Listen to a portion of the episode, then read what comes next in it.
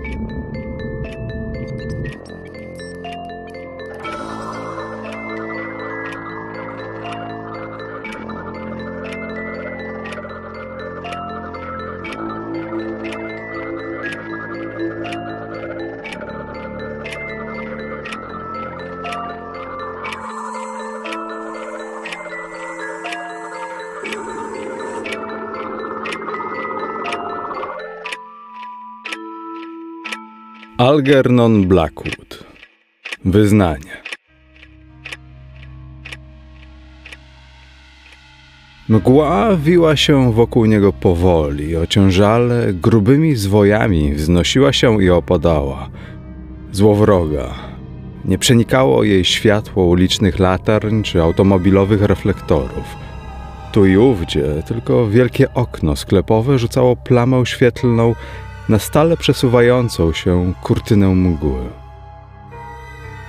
O'Reilly'ego bolały oczy, piekły od ustawicznego wysiłku, by dojrzeć coś bodaj na odległość stopy. Nerw wzrokowy męczył się, wzrok zaś stawał się odpowiednio mniej bystry. O'Reilly, powłócząc nogami, posuwał się ostrożnie wśród dławiącej ponurości. Kaszlał. Jedynie stłumiony odgłos pełzającego ruchu ulicznego przekonywał go, że istotnie jest w rojnym mieście. Tylko to oraz cienie sunących po omacku sylwetek ludzkich, niesłychanie powiększonych, wynurzających się nagle z mgły i znikających w niej znowu. Szły z trudem, naprzód, cal po calu, ku swym nieznanym przeznaczeniom – Były to jednak istoty ludzkie, a więc rzeczywiste. Tyle wiedział. Słyszał ich stłumione głosy raz bliżej, raz dalej, ale zawsze dziwnie przyciszone. Słyszał także stukanie mnóstwa lasek macających żelazne barierki lub poszukujących krawężnika. Te widmowe postacie reprezentowały żywych ludzi. Nie był więc sam. Lęk bowiem przed znalezieniem się całkiem samemu prześladował go. O'Reilly ciągle jeszcze był niezdolny przejść otwartej przestrzeni bez czyjejś pomocy. Siły fizyczne miał, umysł tylko zawodził.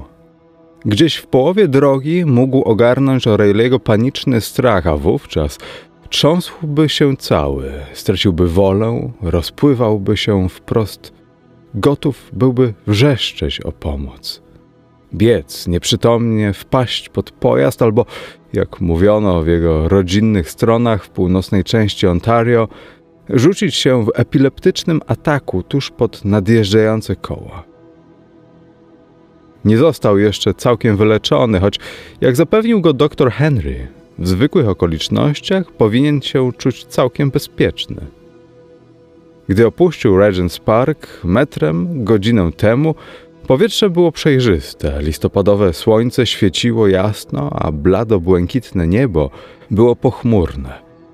Usprawiedliwione więc miało być założenie, że O'Reilly da sobie sam radę z przejazdem przez Londyn. Następnego dnia miał wyjechać do Brighton na tydzień ostatecznej rekonwalescencji. Na dobre, więc powinna była wyjść wstępna próba sił w jasne, listopadowe popołudnie. Doktor Henry udzielił drobiazgowych instrukcji.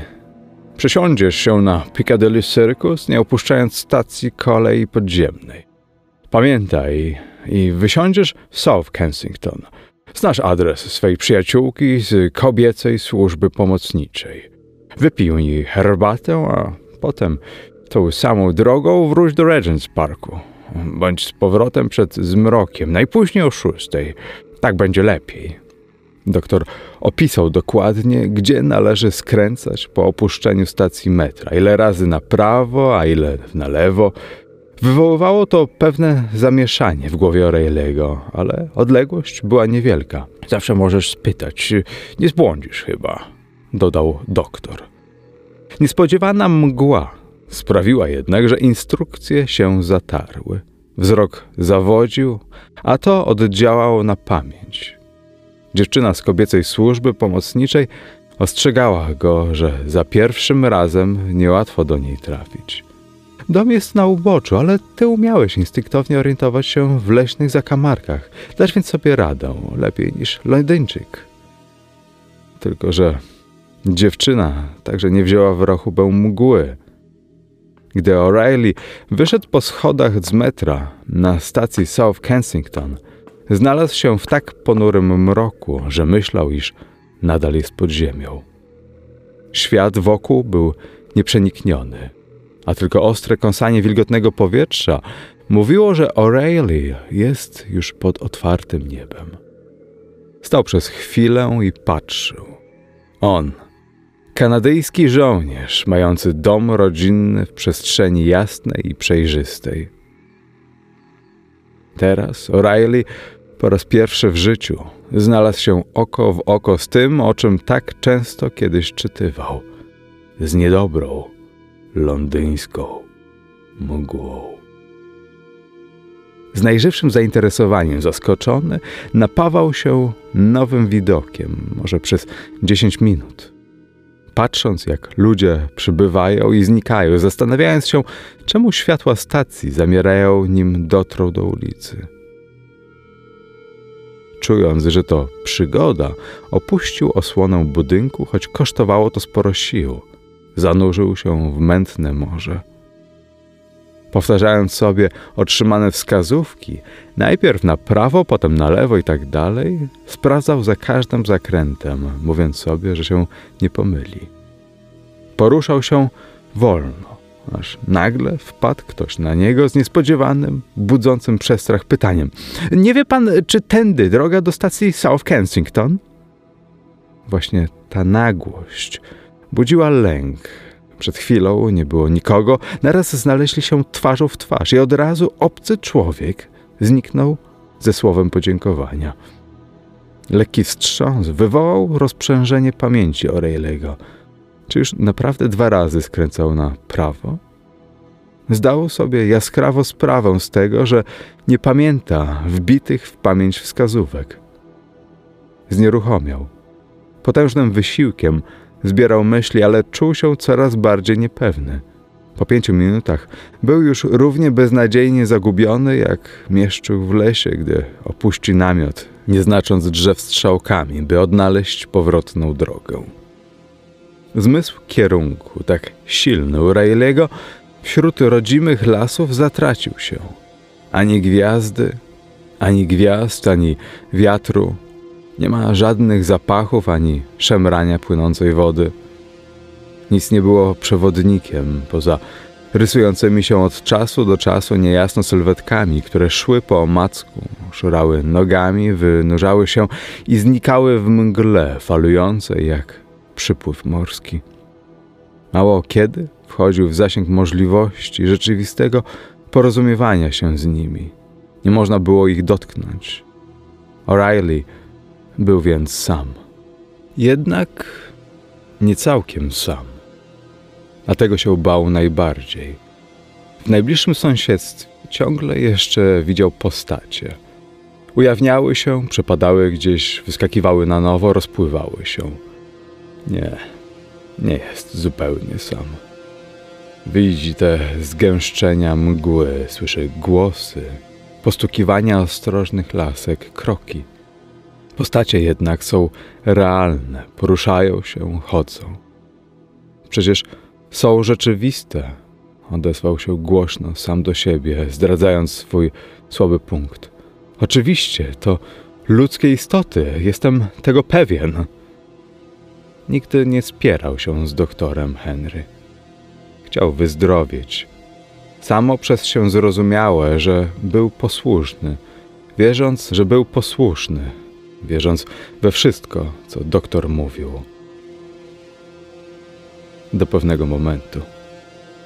Bo sam miał jednak własne wyobrażenia o tych postaciach, gdyż często pośród nich bywali jego koledzy z Nadsommy, z Galipoli i z piekła Mezopotamii. Powinien był przecież poznawać kolegów, widząc ich. Wiedział jednocześnie doskonale, że jest zdezintegrowany, że jego jaźń jest jak gdyby rozpuszczona. Cały ustrój jakoś skrzywiony. Percepcja była niedokładna. Doskonale pojmował to, ale czy przypadkiem nie poszedł innym torem? Czy nie ma luk, nadłamanych krawędzi, części już tak ściśle do siebie jak dawniej nieprzystających? Czy nie ma szczelin?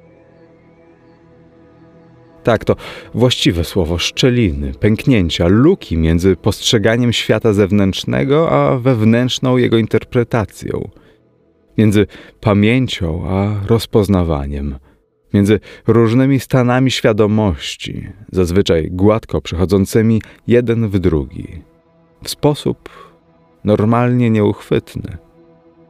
O'Reilly dobrze wiedział, iż jest w anormalnym stanie ale czy wszystkie objawy miały być nienormalne? Ożyło jednak ponownie pytanie, czy szczelin nie może wykorzystać ktoś inny. Ilekroć widywał postacie, zwykł był zapytywać, czy one właściwie nie są rzeczywiste, a tamte inne ludzie nierzeczywiste? Czy człowiek pytający o drogę do stacji nie był mimo wszystko cieniem? Posługując się laską, stopą oraz mocno sfatygowanym wzrokiem, O'Reilly zrozumiał, że znajduje się jakby na wysepce ulicznej. Słup latarni był solidny i prosty. Ściekało po nim blade światło. Laska natrafiła na metalowe pręty, wyraźnie sterczące szeregiem. Były więc poręcze. To go zaskoczyło nie powinno być poręczy. Pewno przekroczył już okropną, otwartą przestrzeń, by dostać się tutaj, gdzie jest w tej chwili. Stan oszołomienia i zdziwienia wzmagał się z niebezpieczną szybkością. Panika czaiła się tuż, tuż. O'Reilly nie był już na szlaku autobusu. Mało kiedy mijała go taksówka. Białawe plamy w oknach dowodziły, że za szybami tkwią zaniepokojone twarze. Od czasu do czasu przejeżdżał kryty lub otwarty wóz, a woźnica trzymał latarnię, prowadząc potykającego się konia. Choć to zjawisko było rzadkie, dodawało otuchy. Uwagę Aureliego najbardziej jednak przyciągały postacie. Był niby przekonany, że są rzeczywiste, że to istoty takie jak on sam. Brakowało jednak całkowitej pewności. Spróbował mówić z jedną z nich – wysokim mężczyzną, który wyrósł jak z podziemi. Może pan wie, którędy iść na Morley Place? Zapytał O'Reilly, co zbiegło się z pytaniem zadanym przez tamtego, tylko głosem o wiele bardziej donośnym. Nie wie pan, czy dobrze idę do stacji metra? Zupełnie się zagubiłem. O'Reilly wskazał kierunek, skąd sam nadszedł. Mężczyzna zginął. Został jakby połknięty. Ledwie słychać jego kroki. Chyba w ogóle nie było takiego mężczyzny. Rayleigh pozostał z uczuciem dotkliwej przykrości, bardziej ogłupiały niż przedtem. Nie ruszył się przez parę minut, potem próbował z drugą postacią, tym razem kobietą. Na szczęście dobrze znała okolicę. Udzieliła Aureliemu wymyślnych instrukcji – możliwie najuprzejmiej, ale zniknęła z niewiarygodną szybkością w morzu mroku. Rozwiała się. To go zdenerwowało, ten niesamowity pośpiech. Podbudowała go jednak ta kobieta, bo według niej Morley Place był najwyżej 200 yardów od miejsca, gdzie stało Rayleigh. Wymacał drogę laską, Przeszedł przez jakąś budzącą zawrót głowy otwartą przestrzeń, kopał butem brzeg chodnika, kaszlał i krztusił się. Rzeczywiste są jednak, rzekł głośno. Oboje byli prawdziwi i może ta mgła wkrótce trochę zejdzie. Dokonywał wielkiego wysiłku, by utrzymać się w garści. Wiedział o tym. Najważniejsze to, czy postacie są realne. Mgła zniknie lada chwila, powtórzył głośniej. Mimo zimna, skórę miał obficie zroszoną potem. Mgła oczywiście nie rozwiała się, ale postaci widział mniej. Nie słychać też było pojazdów. O'Reilly starał się stosować do wskazówek kobiety, ale znalazł się najwidoczniej w bocznej uliczce, chyba mało uczęszczanej. Wszędzie panowała głucha cisza. Stopa zgubiła krawężnik, laska O'Reilly'ego nie natrafiła na nic stałego. Panika w nim wezbrała, chwytając lodowatym dreszczem. Jest sam. Wie o tym. A co gorsza, znowu jakaś otwarta przestrzeń. Przejście przez nią zajęło mu z kwadrans. Większość drogi przebył na czworakach. Nie baczył na lodowate zimno, maziste błoto, które plamiło spodnie, mroziło palce. Byle tylko coś solidnego podparło plecy. Moment załamania się był bliski. W gardle Aureliego wzbierał już krzyk. Drganie ciała stawało się nie do opanowania, aż nagle wyciągnięte palce natrafiły na przyjazny krawężnik. Aureli ujrzał nad głową jaśniejącą plamę rozproszonego światła. Wstał szybko, ale z wielkim wysiłkiem. Wyprostował się. Laska stuknęła o poręcz. Oparł się, dysząc. Serce tłukło boleśnie. Latarnia uliczna dodała swym słabym blaskiem otuchy, choć samego płomienia gazowego nie było widać. Rozglądał się na wszystkie strony. Pustka. Wszystko było pogrążone w mrocznej ciszy i mgle. Morley Place musi być już blisko. Pomyślał o przyjaznej, małej żołnierce, poznanej we Francji, o cieple i blasku ognia na kominku, o filiżance herbaty i papierosie. Jeszcze trochę wysiłku. Ruszył powoli w ogrodzenia terenu. Jeśli rzeczywiście miałoby się znowu pogorszyć, zadzwoni do któregoś z domów, poprosi o pomoc, choć wzdryga się przed myślą o tym. Byle tylko nie było już otwartych przestrzeni, byle nie widzieć dalszych postaci rodzących się z mgły i znikających w jej łonie jak w rodzimym żywiole. Postaci bał się teraz bardziej niż pustki, bardziej niż samotności. Pod następną latarnią przykuło jego wzrok niewyraźnie zagęszczenie mgły. Drgnął. Zatrzymał się. Tym razem to nie żadna postać, ale groteskowo wyolbrzymiony cień latarni. Nie, poruszyło się w jego kierunku. Ogarnęło go gorąco, potem ziąb. Przed twarzą Rayleigh'ego znów znalazła się postać. Kobieta. Rada doktora przyszła znowu do głowy. Rada, która przecież już wyleczyła go z setek zwitów. Nie lekceważ ich. Traktuj jako rzeczywiste. Rozmawiaj, idź z nimi, a sam wnet stwierdzisz, że są nierealne. Wówczas cię opuszczą. O'Reilly zrobił potężny wysiłek, choć trząsł się, schwyciwszy jedną ręką mokrą, lodowatą poręcz. Pani się zgubiła, tak jak ja? Odezwał się drżącym głosem. Gdzie, gdzie my w ogóle jesteśmy? Bo ja szukam Morley Place. Umilkł nagle. Kobieta podeszła bliżej. Dostrzegł wreszcie jej twarz. Śmiertelna bladość, błyszczące, przestraszone oczy patrzą ze zdumieniem.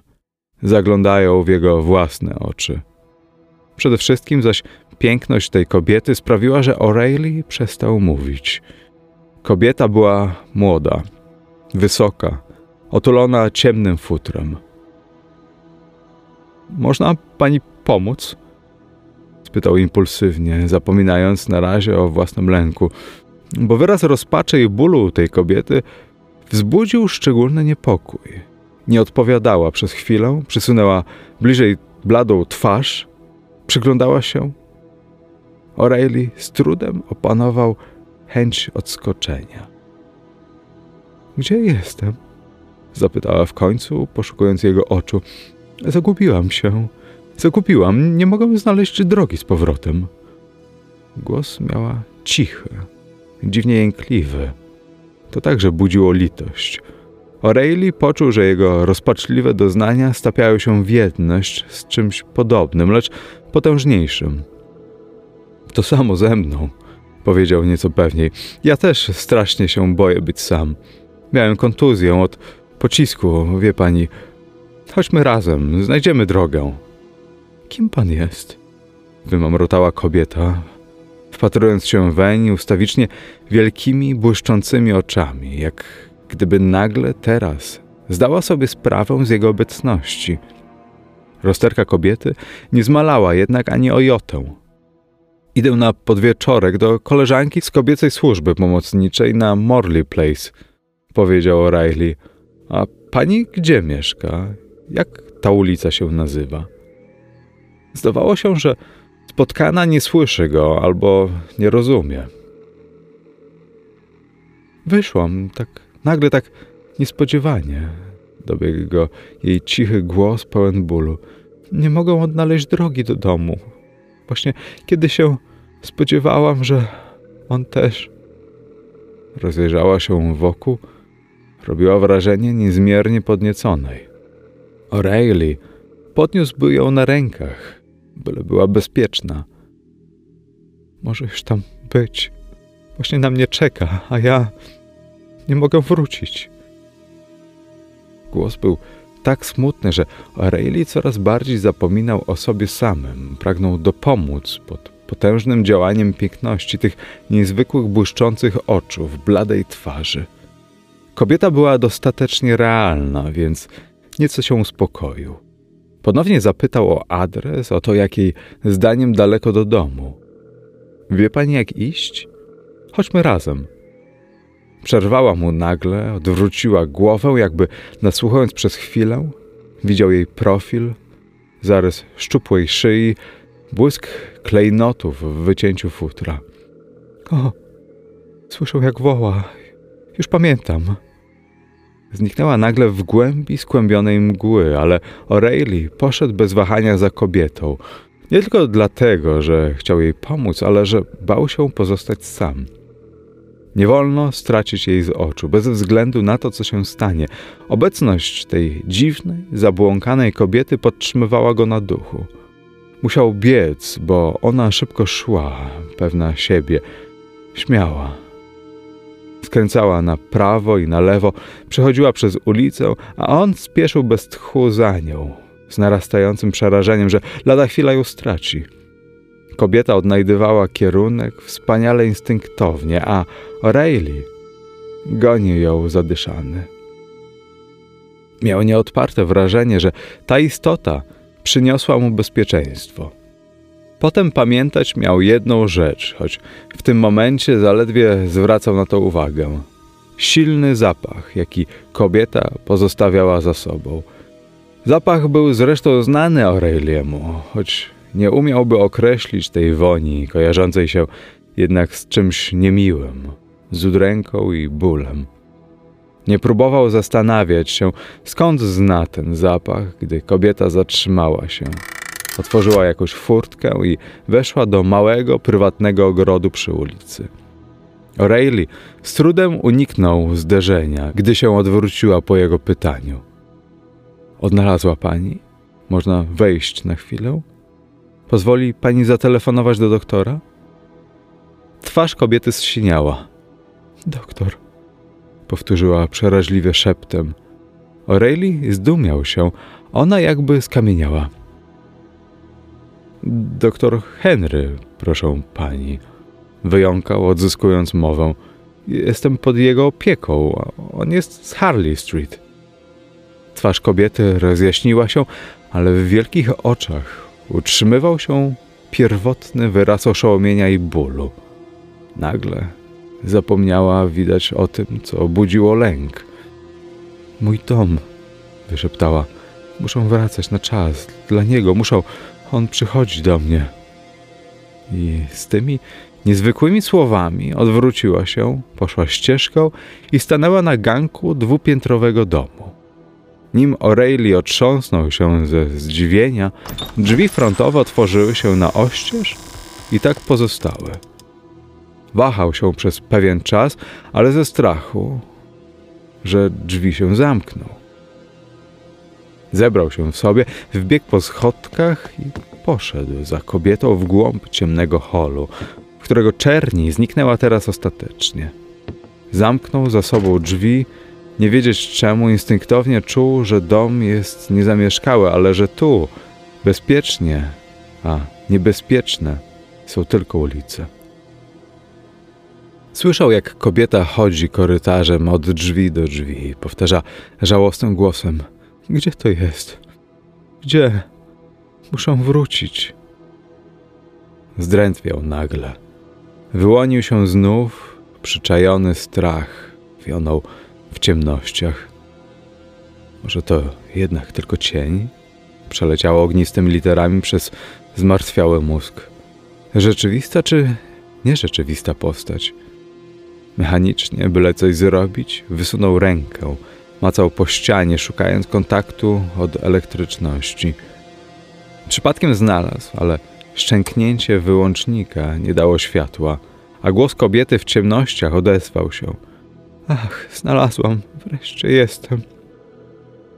Posłyszał otwierające i zamykające się drzwi na piętrze. Teraz był na parterze sam.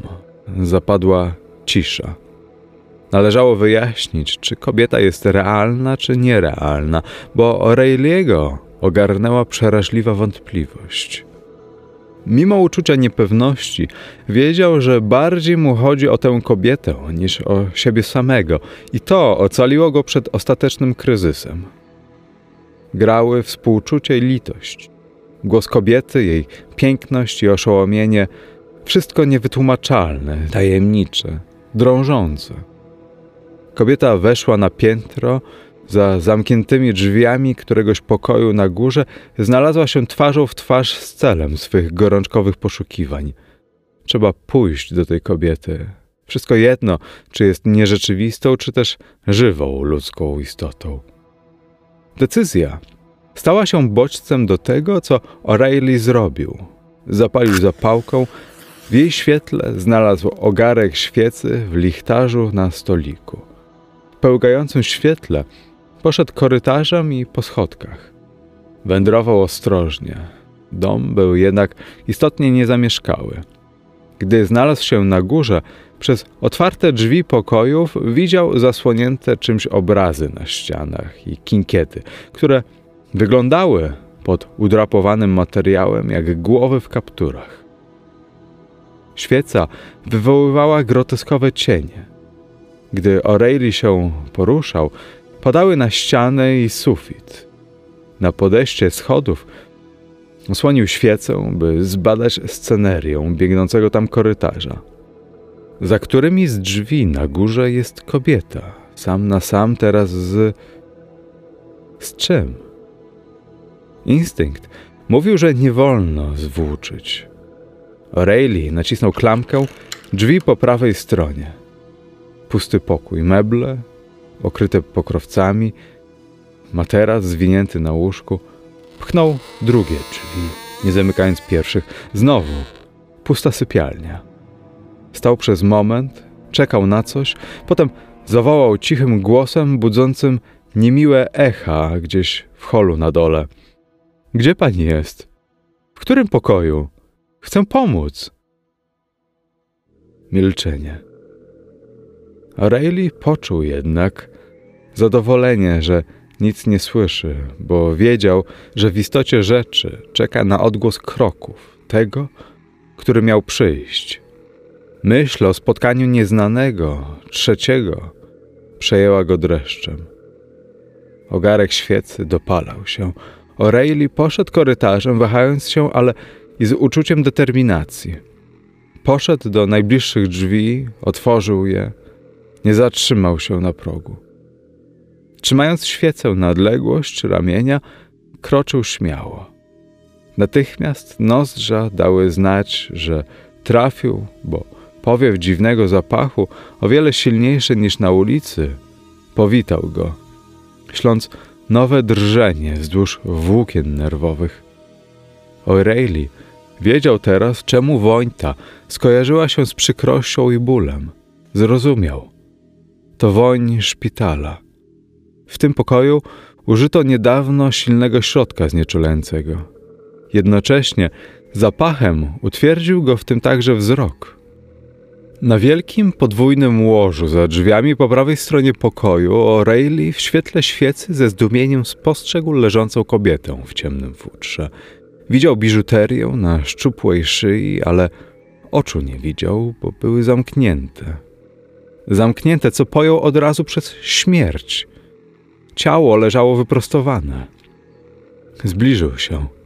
Z rozchylonych warg kobiety spływała ciemna, wąska stróżka. Ginęła gdzieś za futrzanym kołnierzem. Jeszcze nie zaschła, połyskująca krew. Dziwne, bo jeśli wyobraźnia paraliżowała umysł i ciało Rayliego, to widok czegoś rzeczywistego przywrócił mu pewność siebie. Oglądanie śmierci w warunkach wprost potwornych nie było niczym nowym. O'Reilly podszedł spokojnie, dotknął policzka kobiety pewną ręką. Policzek był jeszcze ciepły, miękki, żywy. Nie ogarnął jeszcze tego pustego kształtu ostateczny chłód. Na piękność kobiety w swej doskonałej nieruchomości nabrała nowej, dziwnej słodyczy nieziemskiego kwiatu. Blady, niezamieszkały kształt leżał oświetlony migocącym płomykiem kapiącej świecy. Odchylił kołnierz futra, by dotknąć niebijącego już serca. Osądził, że paręnaście minut temu może jeszcze pracowało, że rozchylone usta oddychały – lecz dłoń Aureliego natrafiła na coś twardego, na główkę długiej stalowej szpilki od kapelusza, wbitej w serce aż do końca. Teraz O'Reilly wiedział, co rzeczywiste, a co nierzeczywiste. Nim zdołał zebrać myśli, zastanowić się, co robić, nim wyprostował się, pochylony nad ciałem leżącym na łóżku, parteru pustego domu dobiegło głośne trzaśnięcie drzwi frontowych i natychmiast ogarnął Rayleigh'ego ten drugi lęk, przez pewien czas zapomniany, strach o siebie samego. Panika zaatakowała, szarżowała, nieodparta na jego własne, stargane nerwy. Odwrócił się. Świeca zgasła. Na łeb na szyję wybiegł z pokoju. Następnych kilka minut to koszmar, wśród którego O'Reilly nie bardzo wiedział, co się dzieje. Zdawał sobie tylko sprawę, że po schodach szybko zbliżają się kroki. Na balaskach igrała smuga światła latarki elektrycznej. Cienie poszczególnych prętów zbiegały szybko na bok po ścianie, w miarę jak blask szedł w górę. O'Reilly przez sekundę szaleńczo myślał o policji, własnej obecności w tym domu, o zamordowanej kobiecie. Trzeba uciekać. Nie wolno dać się złapać. Z tłukącym wściekle sercem przebiegł do pokoju po drugiej stronie korytarza. Tam szczęściem pozostawił drzwi otwarte. Nie do uwierzenia, ale nie zobaczył go ani nie usłyszał ten ktoś, kto chwilę potem dotarł po schodach na piętro – Przeszedł przez korytarz do pokoju, gdzie leżało ciało kobiety i starannie zamknął drzwi za sobą. O'Reilly trząsł się. Nie miał odwagi głośniej oddychać, ażeby oddech nie stał się słyszalny. W kleszczach własnego osobistego strachu nie myślał, czego wymaga lub nie wymaga obowiązek. Wiedział tylko jasno, że trzeba się wydostać z tego domu – ciągle nie będąc widzianym i słyszanym. Kim był nowo przybyły, nie wiadomo. trwało tylko niesamowite przeświadczenie, że to nie ten, którego kobieta oczekiwała, ale sam morderca i że on z kolei oczekuje trzeciej osoby. W pokoju, gdzie krążyła już śmierć spowodowana tak niedawno temu, morderca krył się teraz w oczekiwaniu drugiej ofiary. Zamknięte drzwi lada chwila mogą się znów otworzyć. O'Reilly ukradkiem doszedł do schodów i ze skrajną ostrożnością rozpoczął niebezpieczne schodzenie. Co chwila gołe deski trzeszczały, a wówczas serce zapominało o biciu. Próbował każdego stopnia, przerzucał wagę ciała, ile się dało, na poręcz schodów. Znalazł się w połowie drogi na dół, gdy ku swemu przerażeniu zaczepił obcasem o wystającą główkę od prętu przytrzymującego kiedyś chodnik. Pośliznął się na politurowanym drewnie, na nie zleciał tylko dlatego, że kurczowo uczepił się poręczy. Hałas, którego narobił, wydał się wybuchem granatu ręcznego w zapomnianym okopie. Nerwy uległy w końcu, zgroza ogarnęła Rayleigho – a w ciszy, która nastąpiła, gdy zamilkło dudniące echo, usłyszał otwieranie drzwi sypialni na górze. Nie było po co kryć się. Przemierzył pozostałe schody susami po cztery naraz. Przebiegł hol i otworzył drzwi wejściowe. Właśnie gdy goniący go z elektryczną latarką był w połowie schodów. Zatrzasnąwszy drzwi, O'Reilly dał nura głową naprzód w dobroczynną, miło, wszystko kryjącą mgłę. Nie czaiły się w niej teraz żadne lęki. Powitał z radością jej wszystko okrywający płaszcz. Nie miało też znaczenia, w jakim kierunku O'Reilly biegnie, dopóki nie pozostawił pewnego dystansu między sobą a domem śmierci. Goniący oczywiście nie ścigał go ulicą i teraz O'Reilly przechodził otwarte przestrzenie bez drżenia. Nie zdawał sobie jednak sprawy, że biega w kółko. Wokół nie było nikogo, ani jednego błądzącego po macku cienia. Uszu nie dosięgał żaden odgłos ruchu ulicznego. Kiedy O'Reilly zatrzymał się wreszcie, by odetchnąć, oparty o łańcuch przy chodniku, po raz pierwszy stwierdził, że nie ma kapelusza. Przypomniał sobie. Gdy oglądał ciało, nieświadomie może przez szacunek, zdjął kapelusz i odłożył go – właśnie na to łóżko. Kapelusz pozostał więc tam, demaskujący, wiele mówiący, przeklęty dowód rzeczowy. Jak błyskawica przemknęła seria przypuszczalnych skutków. Kapelusz na szczęście nowy, jak to dobrze, że O'Reilly nie kazał umieścić inicjałów czy nazwiska na wewnętrznej otoczce. Jest jednak marka producenta. Każdy zobaczy, Policja od razu znajdzie sklep, gdzie zaledwie dwa dni temu kupił ten kapelusz. Czy będą pamiętali, jak wygląda nabywca? A może sobie przypomną i datę jego odwiedzin, rozmowę z nim? To chyba nieprawdopodobne. Przecież on, O'Reilly, podobny do dziesiątków innych mężczyzn, nie ma żadnego znaku szczególnego. Usiłował skupić się, ale w głowie miał zamęt. Taki był skołatany. Serce biło mu przeraźliwie. Poczuł się fatalnie. Na próżno starał się wymyślić coś, co w razie potrzeby wyjaśniłoby, czemu krąży we mgle z gołą głową, daleko od celu swej podróży, dala od szpitala. Nic konkretnego nie przychodziło mu na myśl. O'Reilly Trzymał się rozpaczliwie, oparty o lodowatą barierkę chodnika. Z trudem stał prosto, bliski był omdlenia. Aż nagle z mgły wychynęła jakaś postać. Zatrzymała się, wyciągnęła rękę, podtrzymała go i przemówiła. Pan jest chory, drogie panie, rzekł uprzejmy męski głos. Czy mogę panu pomóc? No, proszę. Ten ktoś od razu zorientował się, że nie ma do czynienia z pijakiem. Dalej, proszę wziąć mnie pod ramię, dobrze? Jestem lekarzem. Na szczęście niedaleko do mego domu. O, tu, proszę wejść. I na pół wciągnął, na pół wepchnął Rayleigh'ego, zupełnie już teraz bliskiego załamania. Weszli po schodach, drzwi otwarto kluczem. Poczułem się nagle chory Zgubiłem się we mgle. Wystraszyłem się. Zaraz przejdzie. Nie, niezmiernie dziękuję. Kanadyjczyk, jąkając się, dawał wyraz swej wdzięczności.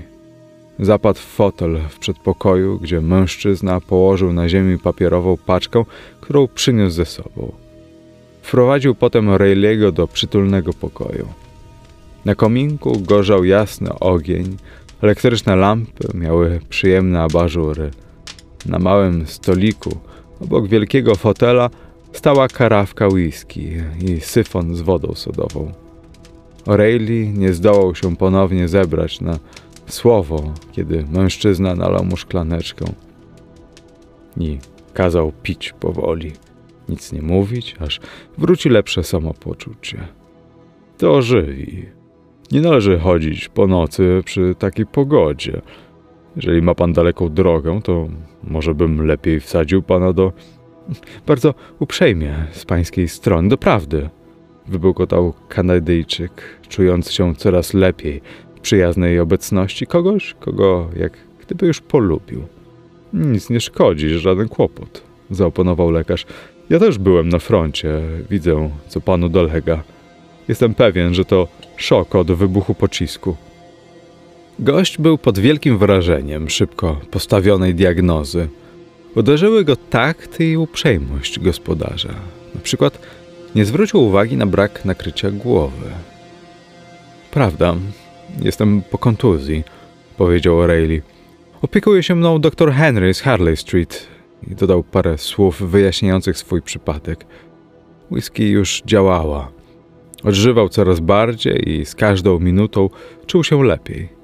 Lekarz poczęstował go papierosem, zaczęli rozmawiać o objawach choroby, o zdrowiu. Ufność powracała, choć lęk jeszcze trwał. Dopomagały znacznie sposób zachowania się i sama osoba doktora. Były w nim siła i łagodność. Rysy dowodziły niezwykłej stanowczości, czasami tylko łagodniały przelotnie, jakby pod wpływem cierpienia winiejącego w błyszczących, przenikliwych oczach. To twarz człowieka, pomyślał Rayleigh, który wiele widział i pewno sam przeszedł piekło, ale człowieka prostego, dobrego i szczerego, z którym jednak nie można żartować. O'Reilly, prócz wdzięczności, poczuł także respekt. Zachęca mnie pan do dalszego zgadywania, mówił doktor po pomyślnym odczytaniu psychicznego stanu swego gościa, że mianowicie świeżo doznał pan ostrego wstrząsu i że tu zawahał się na maleńki ułamek sekundy, że ulgą byłoby dla pana ciągnął, a umiejętna sugestia w głosie pozostała niezauważona, że rozsądne byłoby również, gdyby pan wyzbył się ciężaru wobec kogoś, kto zrozumie.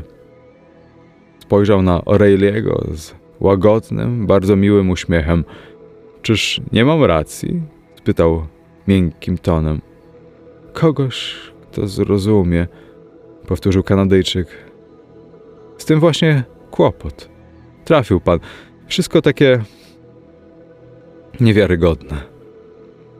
Tamten uśmiechnął się ponownie. Im bardziej niewiarygodne, tym większa potrzeba wypowiedzenia się, podsunął.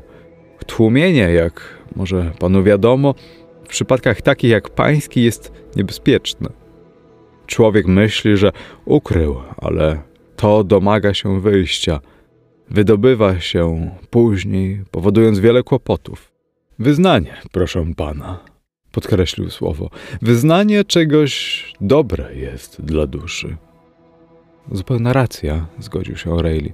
A więc, jeśli się da, to niech się pan zmusi opowiedzieć komuś, kto będzie słuchał i wierzył. Na przykład mnie. Jestem lekarzem, znam takie sprawy. Wszystko potraktuję oczywiście jako tajemnicę zawodową, ponieważ jesteśmy sobie obcy, moja wiara czy niedowierzanie nie mają większego znaczenia. Z góry mogą powiedzieć, nawet obiecać, że uwierzą we wszystko. Tak więc O'Reilly opowiedział swą historię bez ogródek. Sugestia ze strony umiejętnie postępującego lekarza padła na dobrą glebę. W toku opowiadania gospodarz nie spuszczał wzroku z oczu Aureliego. Nie drgnął ani jeden mięsień jego ciała. Zainteresowanie słuchającego wydawało się ogromne. Trochę to dęte, prawda? Pytał Kanadyjczyk, gdy skończył swą opowieść. Pytanie tylko, czy próbował ciągnąć, zagrażając wielomownością, którą drugi mężczyzna natychmiast pohamował. Dziwne i owszem, ale nie niewiarygodne, przerwał doktor. Nie widzę powodu, by nie wierzyć w jakiekolwiek szczegóły tego, co mi pan wyznał. Rzeczy równie godne uwagi i nieprawdopodobne zdarzają się w każdym wielkim mieście. Wiadomo mi o tym z osobistego doświadczenia. Mógłbym przytoczyć panu przykłady. Wstrzymał się na moment, ale O'Reilly zaglądał mu w oczy z zaciekawieniem. Nie komentował niczego. Szereg lat temu, istotnie, ciągnął lekarz, znałem bardzo podobny, dziwnie podobny przypadek. Doprawdy, bardzo by mnie ciekawiło. Tak podobny, że wydaje się zbiegiem okoliczności. Może pan ze swej strony z trudem da temu wiarę. Gospodarz urwał znowu, a jego gość pochylił się naprzód w fotelu, aby słuchać. Tak myślę, kontynuował zwolna lekarz, że wszyscy wchodzący w grę nie żyją już.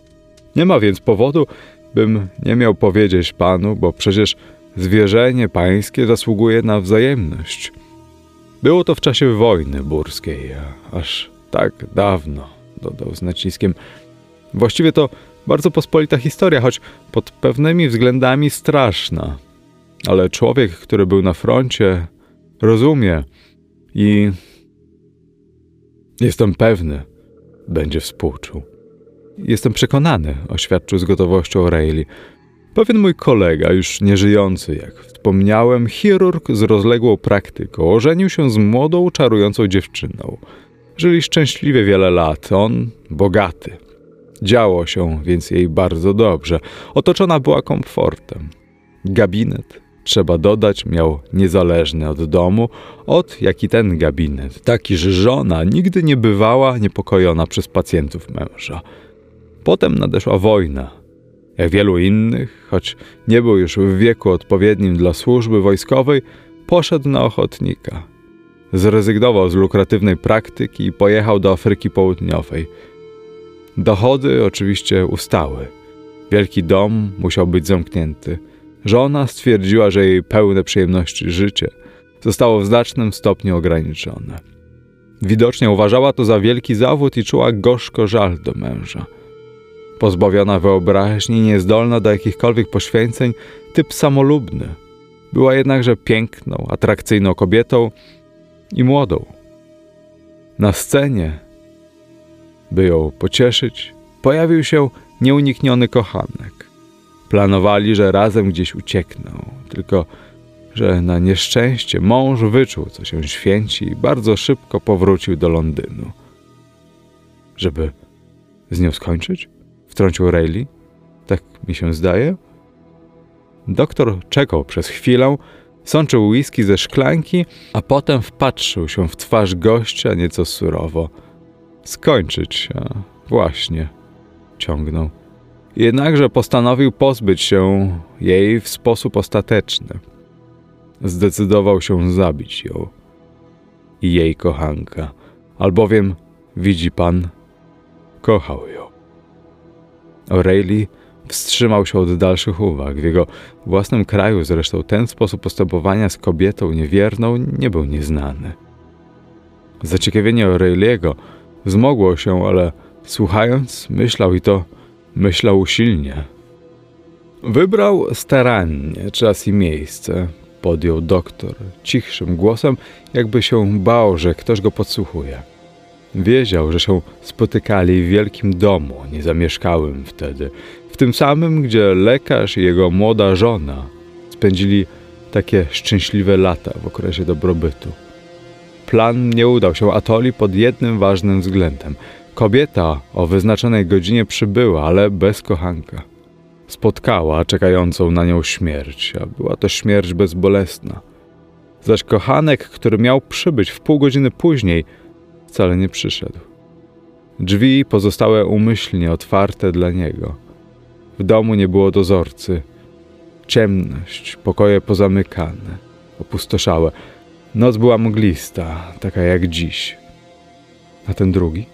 Odezwał się O'Reilly głosem, który się załamywał. Kochanek? Rzeczywiście, przyszedł pewien mężczyzna, ciągnął spokojnie lekarz, ale okazało się, że nie kochanek, to był ktoś obcy. Obcy? wyszeptał gość. A chirurg? Gdzie on był przez cały czas? Czekał już na zewnątrz domu, by widzieć, jak tamten wejdzie. Kryła go mgła. Zobaczył wchodzącego mężczyznę, więc wszedł pięć minut po nim, chcąc doprowadzić zemstę do końca, a może akt sprawiedliwości. Niech pan to nazwie jak zechce. Tylko, że mężczyzna, który przyszedł, okazał się obcym. Wszedł przypadkiem, tak jak pan może, aby schować się przed mgłą albo O'Reilly, choć z wielkim wysiłkiem, wstał gwałtownie. Ogarnęło go przerażające uczucie, iż człowiek siedzący naprzeciwko jest szaleńcem. Zawładnęła nim chęć wydostania się z tego pokoju, bez względu na to, czy jest, czy nie ma mgły. Pragnienie ucieczki od spokojnej melodii tego przeszywającego głosu. We krwi działała jeszcze whisky. Braku pewności siebie O'Reilly nie odczuwał, ale zdobyć się na słowo przychodziło mu z trudnością. Chyba się już będę zbierał, doktorze, stwierdził niepewnie. Doprawdy muszę panu bardzo podziękować za uprzejmość i pomoc. Obrócił się i spojrzał twardo w bystre oczy, patrzące na niego. Pański przyjaciel, zaczął pytać szeptem, ten chirurg. Chodzi mi o to, że mam nadzieję, że on nigdy nie został złapany? Nie, brzmiała poważna odpowiedź. Doktor stał wyprostowany przed nim. Nigdy nie został złapany. O'Reilly poczekał chwilę, nim rzucił jeszcze jedną uwagę. No cóż, rzekł w końcu, ale głośniej niż przedtem, to myślę, że. że się cieszę.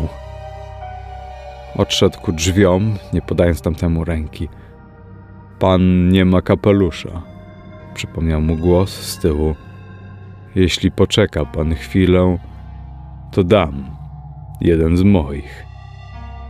Nie ma się co kłopotać o zwrot. I doktor minął go, wchodząc do holu. Rozległ się ogłos darcia papieru. O'Reilly opuścił dom po chwili, mając kapelusz na głowie. Ale dopiero gdy w pół godziny potem dotarł do stacji metra, zdał sobie sprawę, że jest to jego własny kapelusz. Przełożył Tadeusz Adrian Malanowski. Czytał Jacek Brzezowski. Cześć, tu Jacek. Jeśli spodobało Ci się Tchnienie Grozy i lubisz historię oraz gry fabularne, a może chcesz się nimi zainteresować, to zapraszam Ciebie na swój drugi podcast 6, 10, 12. Pisane osobno cyframi jako 6, odstęp 10, odstęp 12 do znalezienia na YouTube oraz Spotify, a także innych platformach. Zapraszam serdecznie do słuchania.